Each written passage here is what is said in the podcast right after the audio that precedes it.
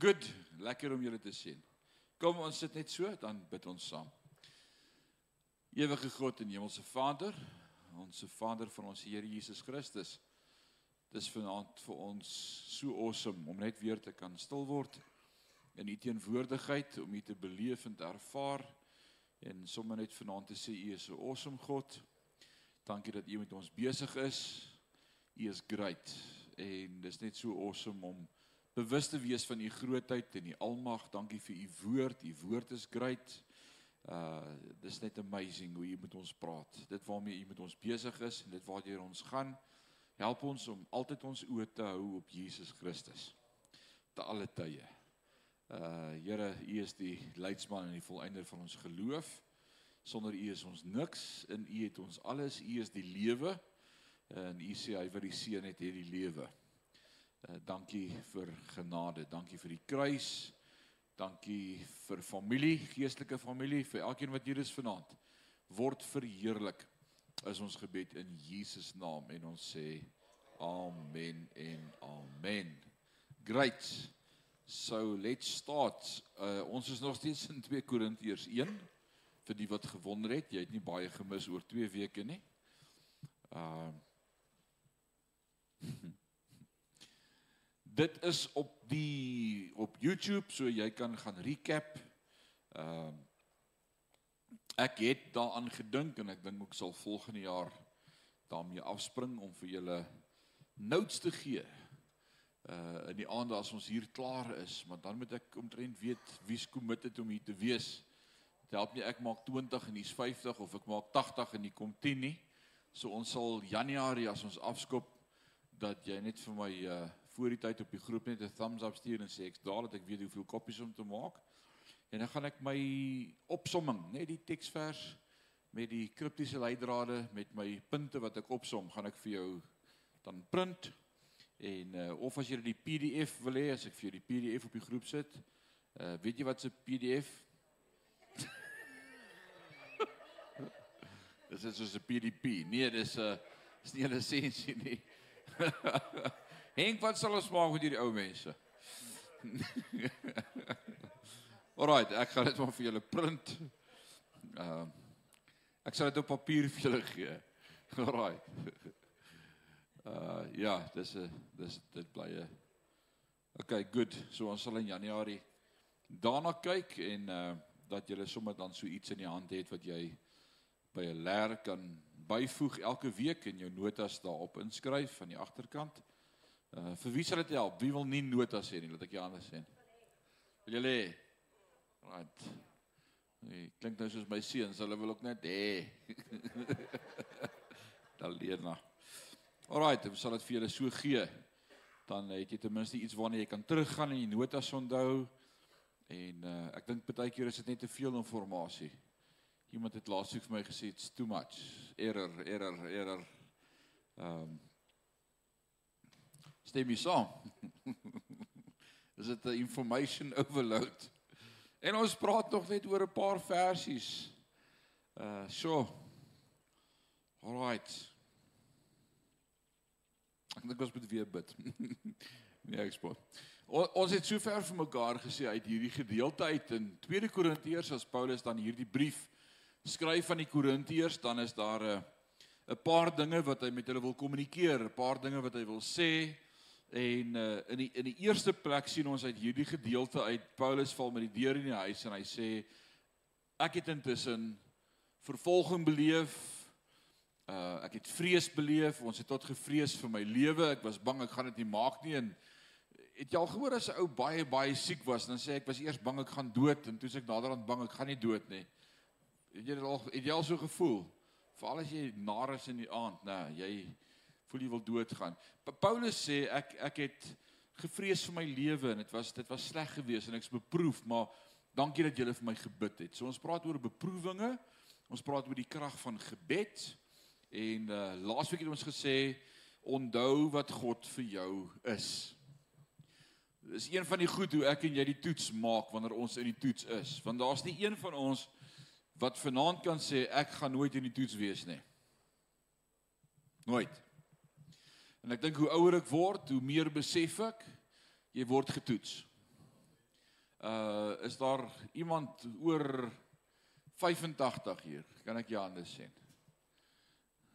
Jy voel jy 85, Johan. Stoffel is jy die oudste? Nee. Alraight.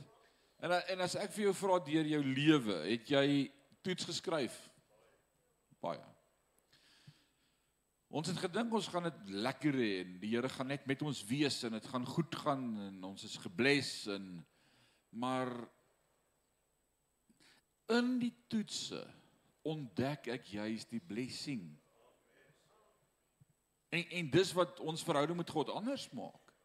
Is is die toetse is nie 'n straf wat vir jou ontwerp is om te sê nee wat nou moet jy maar getoets word nie. Dis dis in die toets wat God weer eens die antwoord voorsien en wat hy vir jou wys ek is nog al die pad by jou.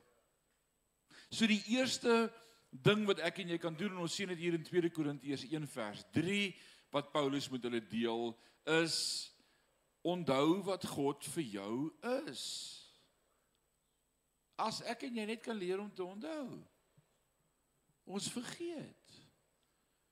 God het time and again help hy ons, red hy ons, voorsien hy vir ons, bring hy vir ons uitkoms, draai ons deur, gee hy vir ons die antwoord en as daai krisis aan die deur klop, dan is dit die einde van die wêreld. Onthou wat God vir jou is. 'n Paar goed waarvoor Paulus God prys en ons leer uit Paulus se lewe. Die eerste een prys hom vir dat hy God is. Prys hom want hy is God. Prys hom want hy is die Vader van ons Here Jesus Christus. Prys hom want hy is die Vader van barmhartigheid. En prys hom want hy is die God van alle vertroosting. Hy vertroos. In die volgende plek, volgende ding wat ek en jy kan doen is om te onthou wat God vir jou doen nie net wie hy is nie, maar prakties wat hy vir my gedoen het. Tel jou seëninge. Getuig teenoor mekaar. Herinner mekaar aan dit wat God al vir ons gedoen het. Bring dank aan God. Man. Hy laat die beproewings toe. Nou is die min amens, né? God laat beproewings toe. Ons het laasweek in diepte gepraat oor Job en wat sy storie was en op hierdie punt moet ek net 'n regstelling maak. My twee teologiese studente het my gekorrigeer na laas Sondag aand na afloop van die verrigtinge. Job het aan die einde van sy lewe alles wat hy verloor het dubbel teruggekry. Reg of verkeerd? Alles. Hoeveel kinders het Job gehad aan die begin? 10. Hoeveel het hy verloor? Al 10. Hoeveel kinders het hy toe later teruggekry? Nie 20 nie. So hy het nie dubbel teruggekry nie want hy het mos daai eerste 10, hulle is in die hemel. So hy het net 10 bygekry. Alraait. Nie 20 kinders nie, anders het hy 30 gehad. Dis nag. Alraait. So ek ek sê dit net. Ons moet nooit dink dat moeilikheid 'n ongeluk is nie. Ons moet nooit moeilikheid sien as God is kwaad vir my nie. Vir die gelowige is alles wat in jou lewe met jou gebeur 'n goddelike afspraak. Alles. Alles. Wanneer die moeilikheid in jou deur klop, sê jy, Here, ek kan nie wag om te sien hoe U my deur gaan help nie. Dis 'n attitude. Dis 'n attitude. Soms en dit het ons nogal hard geslaan laasweek. Soms verlos God ons van beproewings en ander kere verlos God ons in beproewings. Soms bring God die uitkoms en soms vat hy ons in die beproewing huis toe. Ons wen nog steeds want God bly in beheer. Alraai, niks kan my skei van sy liefde nie. God word deur ons beproewings verheerlik. Vers 11. Ons het vir mekaar gesê moeilikheid kan ons geloof verhoog en ons gebedslewe versterk. Ek hoop dit doen jou uh, gebedslewe en jou vashou aan God vir 'n kind van God. Wil ek sê jou verhoog jou jou geloof verhoog en jou gebedslewe versterk. Moeilikheid kan ons nader aan die Here trek en ook aan ander Christene aangesien ons ons laste met mekaar kan deel. Die woord sê deel mekaar, né? En in die derde plek wil ek sê moeilikheid kan gebruik word om God te verheerlik. Ja, absoluut. Dis in my moeilikheid wat ek God verheerlik. So wanneer jy jouself in die beproewing van die lewe bevind, onthou wat God vir jou is en wat hy vir jou doen. En vanaand wil ek by punt 3 kom en vanaand sê ons vir mekaar, onthou wat God deur jou doen. Onthou wie God is. Onthou wat God vir jou doen. Maar daar's iets meer. Onthou wat God deur jou doen. Nou wie van julle dink God het nog net nog nooit deur my iets gedoen nie? Ek hoop jy voel so nie. Ons gaan vanaand daaroor praat. Onthou wat God deur jou doen. In tye van lyding is die meeste van ons geneig om net aan onsself te dink en ander te vergeet. Wie weet dis so. Moenie as jy deur 'n krisis gaan, jouself isoleer van ander nie. Moenie terugtrek en net jou gordyne toemaak en op jou eie wees nie. Dis deel van die plan van die vyand om vir jou te sê jy's die enigste een in die krisis. Daar's niemand wat sal verstaan nie. Niemand gaan deur 'n krisis soos jy nie. Al het nie 'n klou waartoe jy gaan nie. Jy's uniek. Nee dan word ons wasbakke of waterbakke in plaas van kanale waardeur God kan werk. Tog is een rede vir beproewing sodat ek en jy kan leer om kanale van seën te wees om ander te vertroos en aan te moedig. Dit bring my by hierdie storieetjie wat hierdie beter nie kan illustreer nie. Hier, hier kom my. Wie van julle ken vir Dr George Washington Truett. Het jy al van hom gehoor? Right. Niemand nie, ken niemand hom nie. Right, hy's in 1944 oorlede.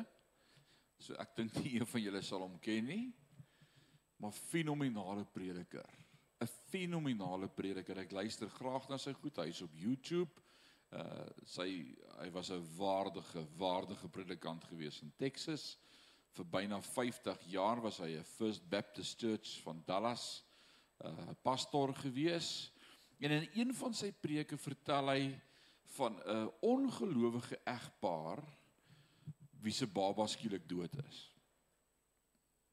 Dr. Triet het die begrafnis gelei. Hulle vra vir hom, dis van daai 6 uit 10 uit wat nie 'n kerk het nie.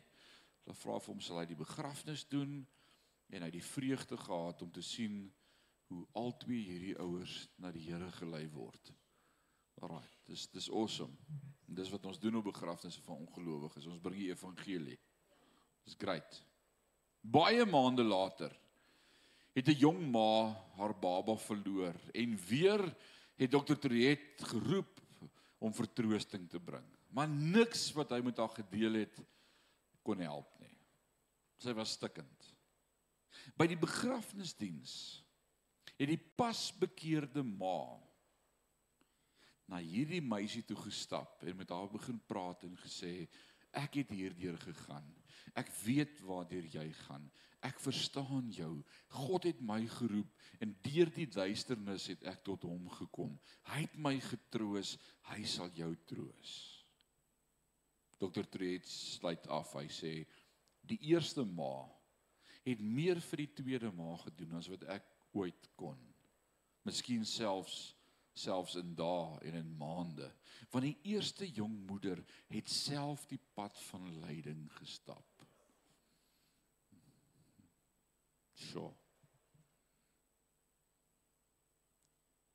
Kom ons bring dit huis toe. Die woord van die Here sê alles werk mee ten goeie. Ek wil hê jy moet gou dink aan iets baie slegs en dramaties in jou lewe wat met jou gebeur het wat jy graag 'n uitveer sou wou vat en dit uitvee. En dan wil ek hê jy moet sien hoe God daai omstandighede vat en dit aanwend om iemand anders te help deur vir hulle te kan vertel as God my daardeur kon bring kan hy dit ook vir jou doen. Wow. Gee dit nie waarde dan vir die pyn waardeur ek in my lewe moes gaan nie. En soms is daar goed wat gebeur met ons in die lewe en dan dink ons, "Ag, oh, dit was dramaties. Ek wil dit nooit oor hê nie. Dit was terrible geweest. Dit was van die duiwel." Selfs in daai seer. As ek toelaat dat God my genees en met my pad stap, is dit die goed wat die Here later gebruik om vir ander te help en te sê, "Kom ek vertel vir jou waar ek in my lewe is." Die Here kan dit vir jou ook doen. Dis amazing. Dis amazing. Paulus het dit egter duidelik gemaak dat ons nie presies dieselfde beproewing hoef te beleef om God se bemoediging te kan deel nie. Ek ek hoef nie te sê, "Sjoe, nee, ek het nog nie 'n pa in die dood verloor nie, so jammer, ek kan nie vir jou vertroosting bring nie." En, en baie keer dink ons wel, ek het niks om te sê nie. Jy het baie om te sê want jy ken die God van alle vertroosting. En as ons God se vertroosting ervaar het, dan kan ons in 2 Korintiërs 1 vers 4b sê, die wat enige benoudheid verkeer vertroos. En dis dis dis iets wat ons moet onthou. Paulus deel dit met ons en hy sê die wat enige benoudheid verkeer, kan ons vertroos. God wil ons gebruik om vertroosting te bring in hierdie gebroke wêreld. Daai ou met wie jy connect, daai ou met wie jy praat, medeskolier, kollega, uh kliënt, baas, familielid gaan deur dinge wat dramaties is. En al wat hulle nodig het is iemand wat vir hulle hoop bring en sê God bring die uitkoms. Die Here kan jou hier deurdra. Dis nie die einde van die lewe nie. Laat ek nou vir jou vertel. He can do it again and again and again. He's the same God today, yesterday and tomorrow. Onveranderlik. Hou net vas aan die Here. Natuurlik as ons soortgelyke beproewings ervaar het, kan dit ons help om beter met ander te identifiseer en beter te weet hoe hulle voel, maar die ons ervarings kan nie die troos van God verander nie. God se troos is fenomenaal. Dit bly voldoende en doeltreffend ongeag wat ons eie ervarings was. Later in 2 Korintiërs 12 sal Paulus vir ons 'n voorbeeld van hierdie beginsels gee as hy praat oor sy eie doring in die vlees. Jy onthou daai gedeelte? Dit gaan interessant wees as ons daarby kom om te praat oor sy doring in die vlees. Paulus sê 'n doring in die vlees is aan my gegee, 'n soort fisiese lyding wat hom voortdurend getref het. En wie weet wat die doring in die vlees was? Wie sê sonde?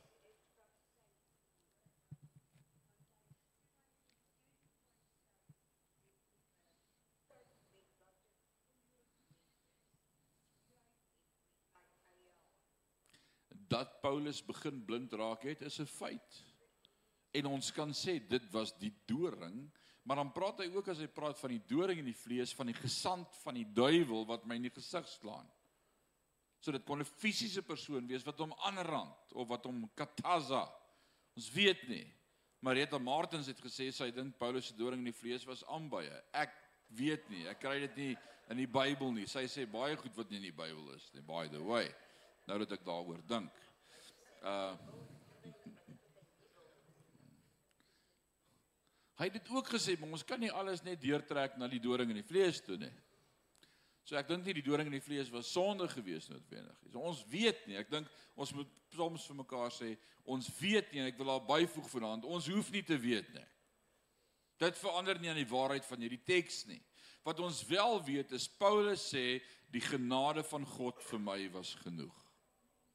En toe daardie bemoediging deel hy met ons en sê die genade van die Here is altyd vir jou genoeg. Ek wil sê uit my eie krisisse uit in my lewe, deur elkeen kan ek vanaand verklaar die genade van die Here was nog altyd vir my genoeg. Kan jy sê amen? Altyd. Altyd. Altyd. 2 Korintiërs 12 vers 9 sê God vir Paulus, my genade is vir jou genoeg. En dis 'n belofte waarop ek en jy kan aanspraak maak dat God se genade vir ons altyd genoeg sal wees. So die onderwerp van menslike lyding is nie maklik om te verstaan nie. Dis 'n is 'n moeilike topik. Dis 'n moeilike teologiese gesprek wat ons met mekaar gaan hê rondom lyding. Ons het ons het laas Sondag in die oggend teks so 'n bietjie daaroor gepraat oor om te ly ook vir die Here. Om te ly saam met die Here. Uh ons verstaan lyding net as om met jou lewe te betaal. Die eerste preek wat Jesus preek op aarde, die bergpredikasie Matteus 5, die eerste keer wat hy begin lering gee, wat word daai gedeelte genoem in die woord van die Here? Die bergpredikasie is drie hoofstukke, Matteus 5, 6 en 7. Wat word die heel eerste deel van die bergpredikasie genoem? Saligsprekinge. En waaroor gaan die saligsprekinge? Deur vir jou te sê, al lyk dit vir jou asof jy verlies op baie gebiede gaan beleef en ervaar, geseënd is jy. Geseënd is jy as mense valslik jou beskuldig. As mense dinge teen jou sê. Geseënd is jy as jy altyd teruggaan en vrede maak in die minste is. Geseënd is jy as jy die koninkryk van God soek met jou hele hart. Geseënd is jy, geseënd is jy, geseënd is jy hierdie hele koninkryk bestaan uit ander waardes as ander koninkryke. En hierdie koninkryk lyk as vir my jy moet die minste wees. En dan verhoog God jou en hy maak jou iets. Jy moet sê meer van u en minder van my. Ek het nie regte en menseregte waarop ek aanspraak maak en waarop ek staan nie en ek is reg. Nee, u sal vir my veg. Ek sê meer van u en minder van my. Hy leer ons draai die ander wang. Hy leer ons vergeet vergewe 70 maal 7 keer. Hy leer ons moenie op die straathoeke staan en bid sodat almal dink, "Wow, hoor daai gebed nie." Nee, gaan in jou binnekamer en praat met God wat in die hemel is. Moenie so gee dat almal kan sien, "Wow, het jy gesien hoeveel het daai ou Sondag in die offergawe gegooi nie?" Jy het jou loon klaar weg, maar wat jy in die geheim gee, gaan God in die openbaar vir jou beloon. Jy hoef nie te beklei vir jou regte nie. God weet alles. Dis bietjie ander koninkryk hierdie. Van die begin af. So lyding is is 'n moeilike topik om in te pas. Soms ly ons as gevolg van ons eie sonde en rebellie. Come on, just be honest tonight. Jy kan dit nou voor die deur van die Here gaan lê en sê dis alles die Here se skuld meeste van die tyd is dit ons eie besluite en ons eie keuses. Maar en dis die awesome van wie God is, hy laat alles meewerk ten goeie. God gebruik hy verkeerde besluite en keuses om te sê, "Oké, okay, kom ek leer jou ietsie uit." En ek hoop net jy leer daaruit, want as jy dieselfde keer jou kop moet stamp oor dieselfde goed en jy leer dit nie. Oh man. Laat my dink aan die skaap wat uit die sloot gehelp word en as die as die boer hom so neersit daar hardop net so dan spring hy weer in die sloot. Het jy dit al gesien? Dis dis ons daai. Ah, oh, ons judge maklik ander en sê dit was nou dom. Maar ons is net dieselfde. Matteus 7 vers 1 sê moenie oordeel nie sodat jy nie ge oordeel word nie. Met die maat waarmee jy meet sal vir jou gemeet word. Maal eers die balk uit jou eie oog voordat jy die splinter uit die oog van jou broer haal. Ons is almal dieselfde. So soms ly ons as gevolg van ons eie sonde en rebellie. Geef vir my 'n voorbeeld in die Bybel van iemand wat gelei het as gevolg van sy eie sonde en rebellie. Jona. Awesome. Jy's reg. Nik. Dawid. Dawid het lyding beleef as gevolg van sy eie sonde en rebellie teen God. Samson Moses hy's beloofde land kwyt. Saul as gevolg van sy eie hardheid van sy hart en sonde. En so kan ons hulle maar opnoem. Was dit God se skuld? Dis nie God se skuld nie. Soms lei ons om te verhoed dat ons Sondag soos in die geval met Paulus. Soms stuur goed moeilike omstandighede my pad langs juis om my te keer sodat ek nie afvallig sou word nie, om my naby hom te hou, om op my knieë te hou, om my afhanklik van God te hou, om te maak dat ek uitroep na God en sê Here, hierdie ding is te erg en te groot vir my. En die Here sê ek het jou bewaar van sonde en terugval. Jy weet dit nie eers nie. Maar as ek jou sou los dat dit met jou goed gaan, was die afgrond die verderf. Ek het jou lief genoeg dat ek moeilikheid jou pad langs stuur dat jy na my sal roep en my soek want ek wil jou hou by my. Moenie altyd moeilikheid wegjaag en bestraf en van die duiwel nie. Nee nee nee. God is die outeur van jou lewe. Hy hou jou vas in die holte van sy hand. Lyding kan ons karakter vervolmaak en ons help om die karakter van God te ontwikkel. Dis dis deel van God se proses met ons. En dis wat hy vir ons leer in Hebreërs 12 vanaf vers 1 tot 11. Dis waaroor ons volgende week as die Here ons paar by die vroue woordskool gaan praat, Hebreërs 12 oor lyding. Dit ontwikkel karakter. Volgende punt wat ek wil sê is maar lyding kan ons ook help om ander te bedien. Lyding gee my empatie met ander. Dis waaroor Prof Marius en Walter Bell nou die dag hier in die kerk gesels het. Toe Walter en Marius met mekaar praat en Prof vir Dr Walter vra maar dit waartoe jy gaan in jou liggaam en jou pyn en jou seer, wat het dit met jou gedoen? Toe sê hy skielik verstaan ek wie as die pasiënt voor my sit en sê ek het seer. Ek het empatie, ek hoor wat hy sê, ek verstaan. Ek ek wil hom eintlik 'n druk gee en vashou en sê ek weet waartoe jy gaan. God gebruik dit. Dis God se manier. Dit help my om empatie te hê met ander. In elke kerk is daar volwasse heiliges wat van God wat gelei het en God se genade ervaar het en hulle is die groot bemoedigers in die gemeente.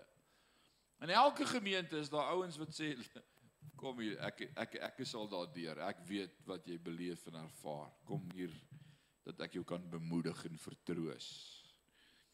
Paulus het moeilikheid ervaar. Nie as straf vir iets wat hy gedoen het nie, maar as voorbereiding vir iets wat hy nog gaan doen en hy bedien ander in nood. Wil jy moet dink aan jou eie lewe en dit waar jy gaan in jou lewe of gegaan het of jou moeilike omstandighede.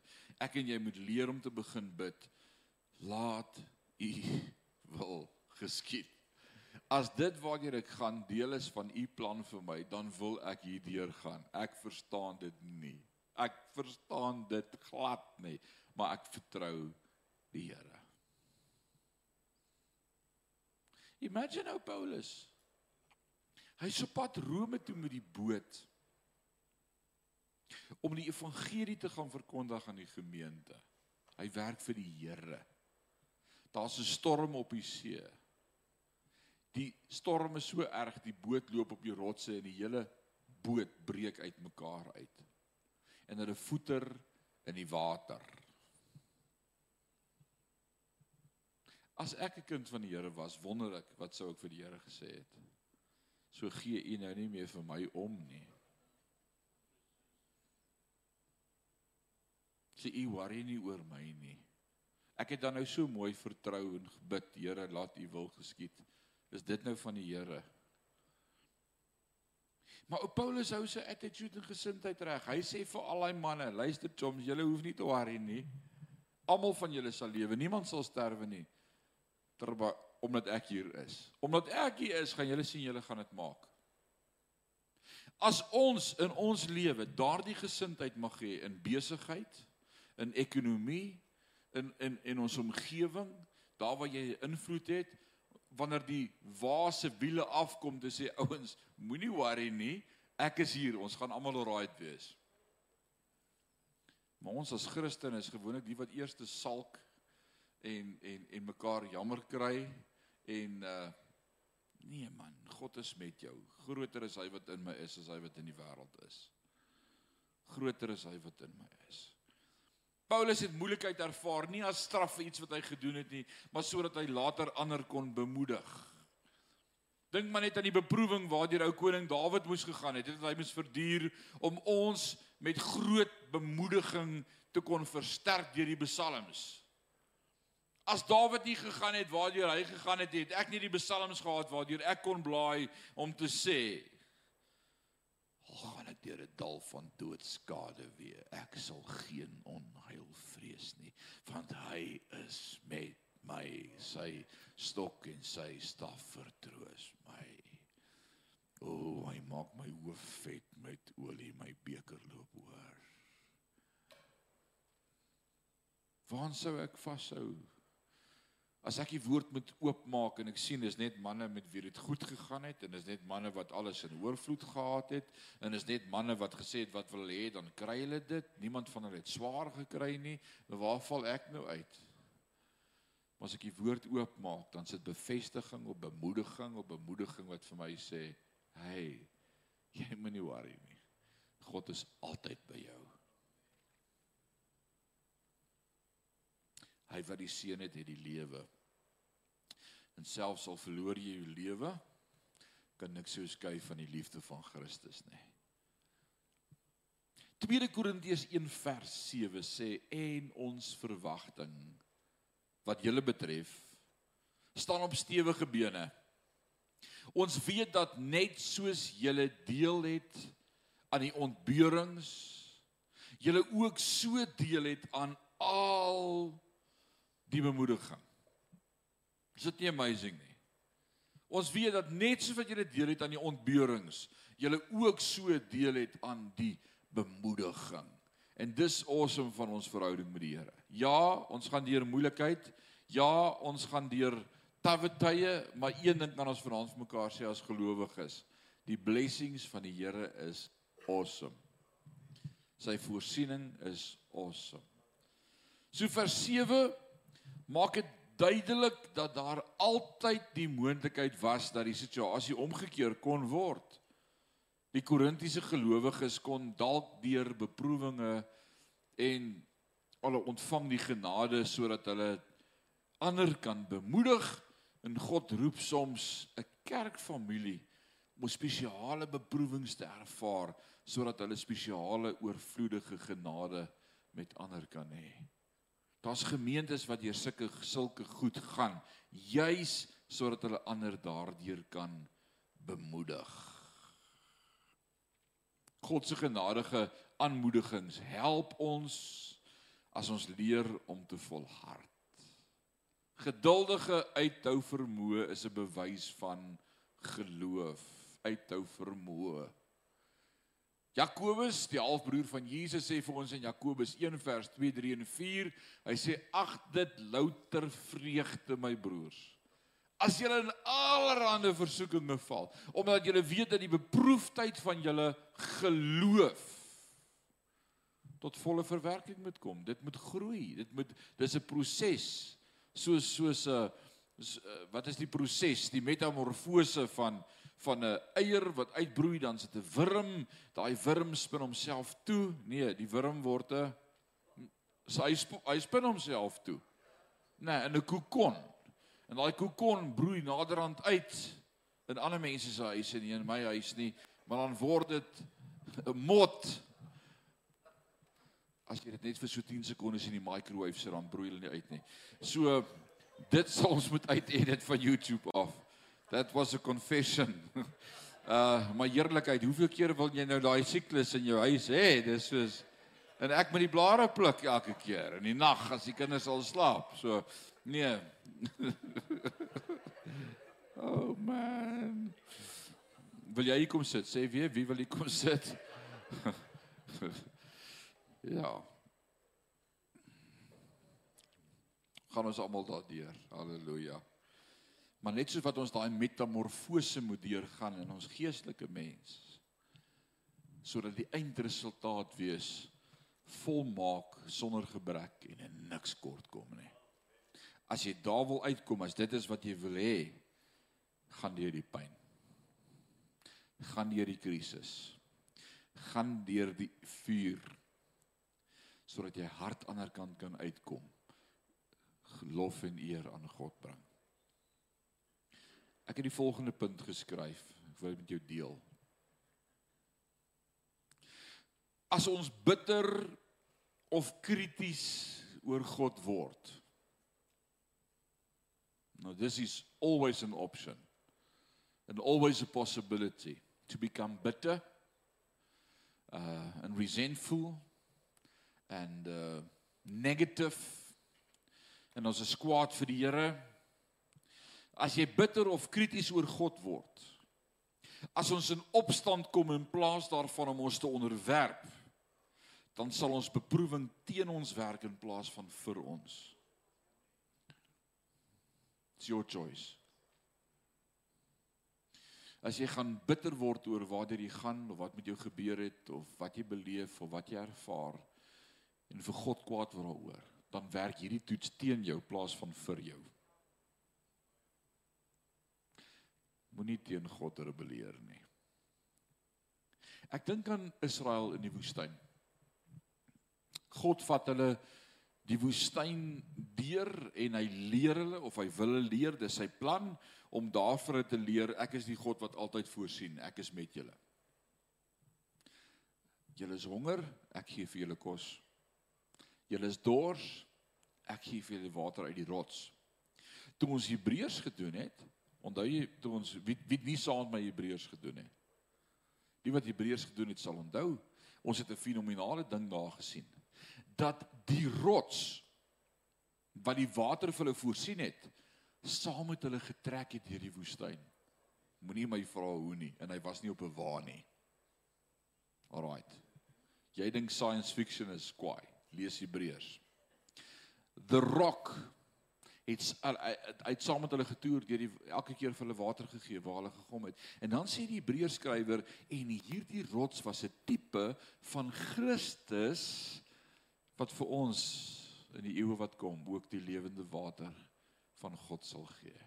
En daarom moes Moses die eerste keer die rots slaan want Jesus is vir my en vir jou geslaan vir alle oortredinge. Die tweede keer toe dorstyd is en hulle moet drink, toe wat sê God vir Moses? Praat met die rots. Jy hoef nooit weer die rots te slaan nie. Hy's een keer vir jou gekruisig. Al wat jy hoef te doen is daar dinge tussen jou en God staan. Ons praat net met God. Die rots is klaar geslaan. Jy kan net praat. Die water is daar. Moses verstaan nie die prentjie van Jesus nie. Hy vat sy staf en hy slaan weer die rots en vir daai verkeerde optrede is hy die beloofde land kwyt. Want jy kan Jesus net een keer slaan. Nou kom die Hebreërs skrywer as hy sê in Hebreërs 10 vers 26 as ons dan nou opsout opsetlik aanhou met sonde nadat ons tot die kennis van die waarheid gekom het, bly daar vir ons dan nou geen vergifnis meer oor nie. Want hy is vir ons een keer gekruisig. En hy hoef nooit weer gekruisig te word nie. Ok, maar ek het weer sonde gedoen. Ek ek het weer dors. Ek voel weer ver van God af. Praat met die rots. Hy is die rots van die eeue. So hy leer hulle van die rots, hy leer vir hulle die profesie van Jesus die Messias wat sou kom. Hy voorsien vir hulle die wolkkolom en die vuurkolom. Hy sê hulle skade wie hy maak hulle warm as dit koud is. Hulle klere het nie gesluit nie, hulle skoene loop nie deur nie, hulle word nie siek nie and there were no feeble among them, not one. Geen siektes nie, sonder inentings, niks. Nie een word siek nie. Niks. God is met hulle. Vir 40 jaar leer hy hulle, jy het niks kort nie. Nou nou wat sê die woord? Wat hoe leer hy ons bid? Ek sal niks kort kom nie. Wat sê Psalm 23? Hoe leer hy my? Ek kom niks kort nie. Want hy is met my. Nou dink jy Israel kon dit geleer kry? Oh man. Hulle rebelleer time and time again teen God. Elke keer. Op 'n stadium is hulle lus vir vleis. Hulle wil die spyskaart verander. Hulle wil vir die Here vertel wat hulle dink hulle nodig het. Ons maak ook so, né? Hulle moan, hulle groan. Die Here het ons woestyn toe gebring om ons hier te laat doodgaan. Hulle word nie siek nie, so ek weet nie hoe hulle doodgaan nie. Daar's nie siekte nie, hoe wil hulle doodgaan? Hulle gaan nie doodbrand nie, dis nie van die koue nie, dis nie van hongerte nie, dis nie van dors nie. Dis nie ek ek weet nie hoe hulle doodgaan nie, maar die Here bring ons hiernatoe om ons hier te laat doodgaan in die woestyn. Hulle is hulle is in rebellie teen God. Hulle is opstandig oor hulle omstandighede. En dan moan hulle, hulle sê hulle hulle verlang terug na die kospotte van Egipte, na die knoffel en die prei. Ooh, wat sal ek nou gee vir daai ou knof? Ooh, daai knoffelstew. Ooh, my vrou kan jy onthou? Knoffel. En dan sê die Here, uh, julle wil vleis hê. Is julle lus vir vleis? Ek sal vir julle vleis gee. Ek sê vir julle genoeg hier dat julle in julle lewe nie weer julle oë aan vleis wil sit nie. Jy sal in jou lewe nie weer wil vleis eet nie. Ek gaan vir jou genoeg vleis gee. En dan kom daar ewe skielik kwartels ingevlieg van nêrens af nie. Hulle het dit nie eers geken nie. En dit begin neer reën op daai volk. 3 voet diep. Dis 'n meter kwartels. Hulle kan nie move nie. Die Here sê jy wil vleis hê, kry vir jou. Kry vir jou. Julle sal eet. God sê, julle sal eet totdat by julle neuse uitkom. Jy dink mos jy weet wat wil jy hê. Oppas en hier's my punt. Oppas wanneer jy vir God begin sê wat jy dink jy nodig het. Ek kry nie daai gebed in die Bybel nie, ouens. Ek leer 'n gebed wat sê laat U wil geskied. Laat U koninkryk kom. Maak U met my soos wat U wil. U weet wat ek nodig het voor ek bid of vra. U is die een wat voorsien. U weet die beste. Ek is nie bekommerd oor die dag van môre of wat ek sal eet, drink of aantrek nie, want U sorg vir my. U is met my al die dae van my lewe. Ek het nie 'n menu nie. As ons bitter of krities oor God word, as ons in opstand kom in plaas daarvan om ons te onderwerp, dan sal ons beproewings teen ons werk in plaas van vir ons. Oppas. Volgende punt wat ek maak die vermoë om moeilikhede geduldig te verduur sonder om op te gee is 'n teken van geestelike volwassenheid. The ability to endure difficult tests and challenges and keeping the right attitude towards God is a sign of maturity. Hoe volwasse is ek en jy rarig in die Here? Dis 'n vraag. Ek dink soveel keer aan daai teks wat sê van wie die tyd moes julle al leraars gewees het, maar julle het weer nodig om soos babas met melk gevoed te word. O oh man, na alles wat die Here al vir julle gedoen het en alles waartoe die Here al gebring het, moes julle al meer as oorwinnaars gewees het en gesê het, "O oh man, God gaan ons hierdeur dra." Die vermoë om moeilike om moeilikhede geduldig te verduur sonder om op te gee is 'n teken van geestelike volwassenheid. Jy kan daar byskryf Hebreërs 12 vers 1 tot 7. Jy gaan dit daar kry. God moet in ons werk voordat hy deur ons kan werk. En almal vir ons bid, gebruik my Here. Isak, Here, wat kan ek vir u doen? Isak, gebruik my. Ons bid dit almal, né? Isak, gebruik my. Sê die Here, okay, maar voor ek gebruik, wil ek net vir jou iets leer dat jy darm iets het om te sê vir die ander. En dan sê so Hoekom moet ek hierdeur gaan? Die Here het my vergeet. Die Here is nie lief vir my nie. Ehm uh, Sandra herinner my Vrydag aand aan daai sang wat ons gesing het, niemand hou van my nie. Kan julle dit onthou? Wie van julle kan dit onthou? Jy jy die Engelse version gekwout. Ek het nie geweet daar's 'n Engel en in 3 nat ons die Afrikaanse een gesing. I'm gonna eat some worms. Hoe julle ken dit? Dit is 'n pity party. Dis soos dis die einde van die lewe. Dis net wurms, terrible. Ek is ja, kry jouself jammer. Nee. Volwassenheid sê dit gaan karakter bewerk. Ek gaan nie deurgroei. Dis vir ons baie makliker om te groei in kennis as om te groei in genade. ons stap by uit en ons het al die kennis. Dalena, ons swat teologie en ons het die kennis. Maar but with the going gets tough, the tough gets going. Nah. Dis dis 'n ander ding dan. Dis 'n ander ding om kopkennis te hê, maar wanneer dit aan jou deur klop, dis moeilik dan. Dis moeilik om dit dan te doen. 2 Petrus 3 vers 18, jy kan dit daar inskryf. Om God se waarheid te leer en dit in ons koppe te kry is twee verskillende goed. Om Christus se waarheid in ons koppe te kry. Maar om God se waarheid te leef en dit in ons karakter te kry is nogal iets anders. Ons kan vir ouens die regte resep gee. Ons kan tot die regte skrifte vir hulle quote. Ons kan vir hulle tekste gee. Ons kan vir hulle WhatsApps aangee en sê gaan, gaan lees bietjie daar man. Gaan lees bietjie daar. Jy sal daar 'n antwoord kry. Maar om dit te leef, om dit deel te maak van jou karakter, is nie so maklik nie. God het jong Josef deur 13 jaar van verdrukking gesit. Ekskuus, ek wil hê jy moet hoor wat sê ek. Ek skryf dit met opset. God het jong Josef deur 13 jaar se verdrukking gesit voordat God hom tweede heerser van Egipte kon maak. En wat 'n groot man het Josef nie geword nie. Sodat God deur Josef sy hele volk kon red. Jou 13 jaar van hel kan God in een oomblik gebruik om 'n hele volk te red as jy nie gaan jou gaan bitter maak teenoor God nie en vir God kan kwaad word oor ek 13 jaar se hel het. Never talk against God, never. Never harden your heart against God, never. He knows what he's doing.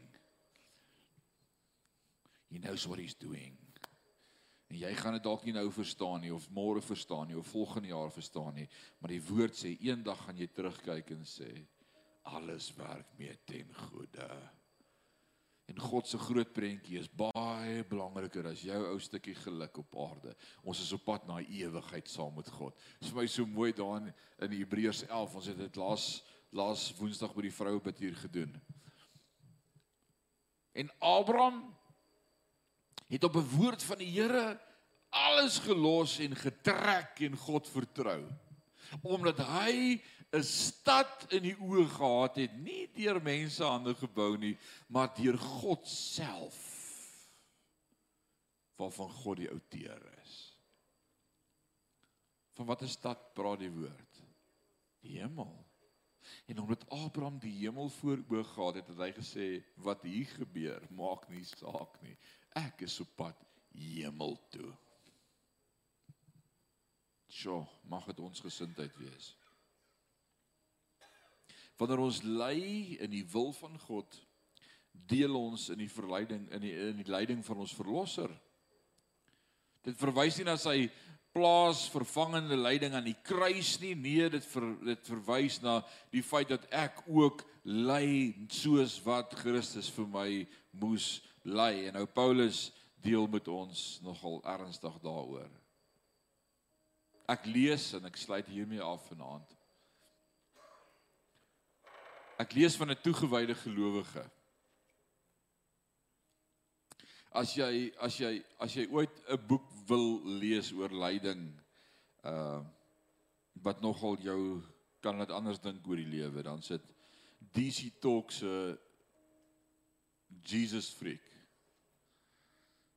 Martyrs for Christ.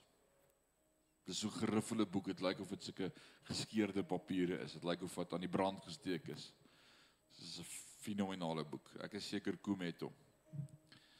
En ek lees van 'n toegewyde gelowige wat vir sy geloof gearresteer is en tereg veroordeel is om môre op die brandstapels tereggestel te word. Hy gaan betaal met sy lewe. Hy gaan sterf.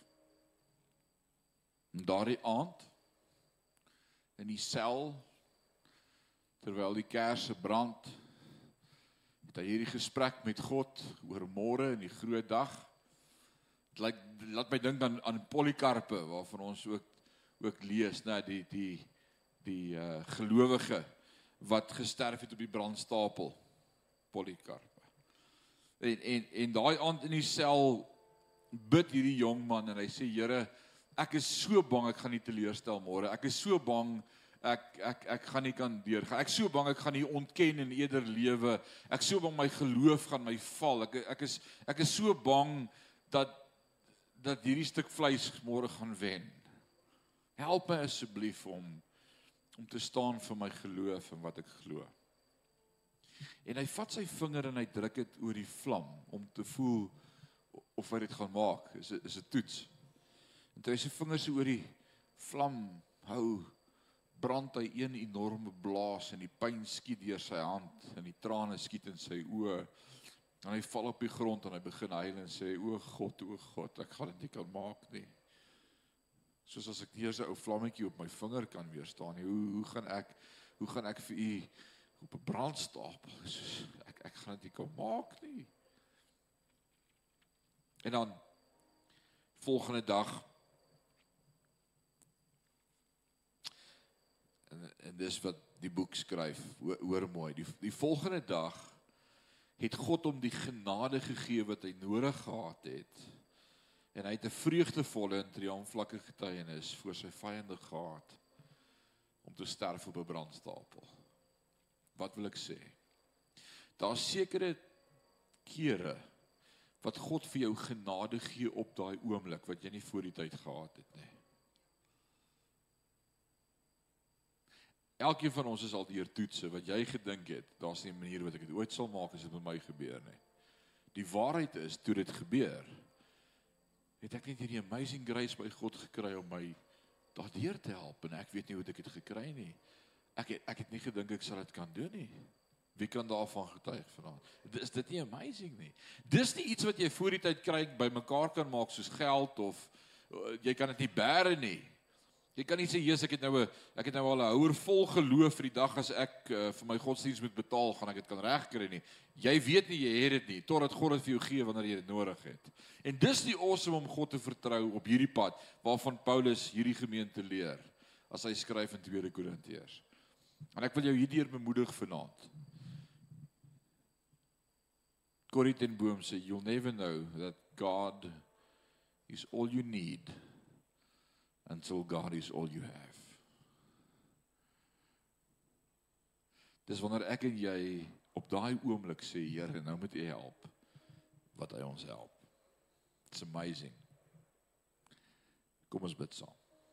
Vader, wat 'n heerlike voorreg om U woord oop te maak, te leer uh die fenominale diepte waarmee Paulus vir ons lering gee en wat hy met ons deel as hy in hierdie gemeente hierdie brief skryf.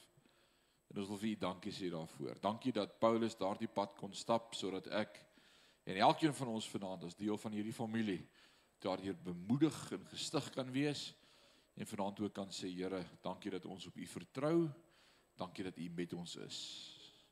Dankie dat u ons deurdra, dankie dat u vir ons is, dankie dat u vir ons voorsien dat die rykdom van u genade En ek wil vanaand bid vir elkeen wat deur 'n krisis gaan en wat 'n krisis in die oë kyk en wat moeilike omstandighede in die gesig staar en nie weet hoe hulle daardeur gaan kom nie. Dankie dat die getuienis altyd sal wees God het voorsien. Above and beyond. Above and beyond. Dankie dat U voorsien na die rykdom van U genade. Ons eer U daarvoor. Word verheerlik in en deur ons in hierdie week. Is ons gebed in Jesus naam en sê ons sê amen en amen.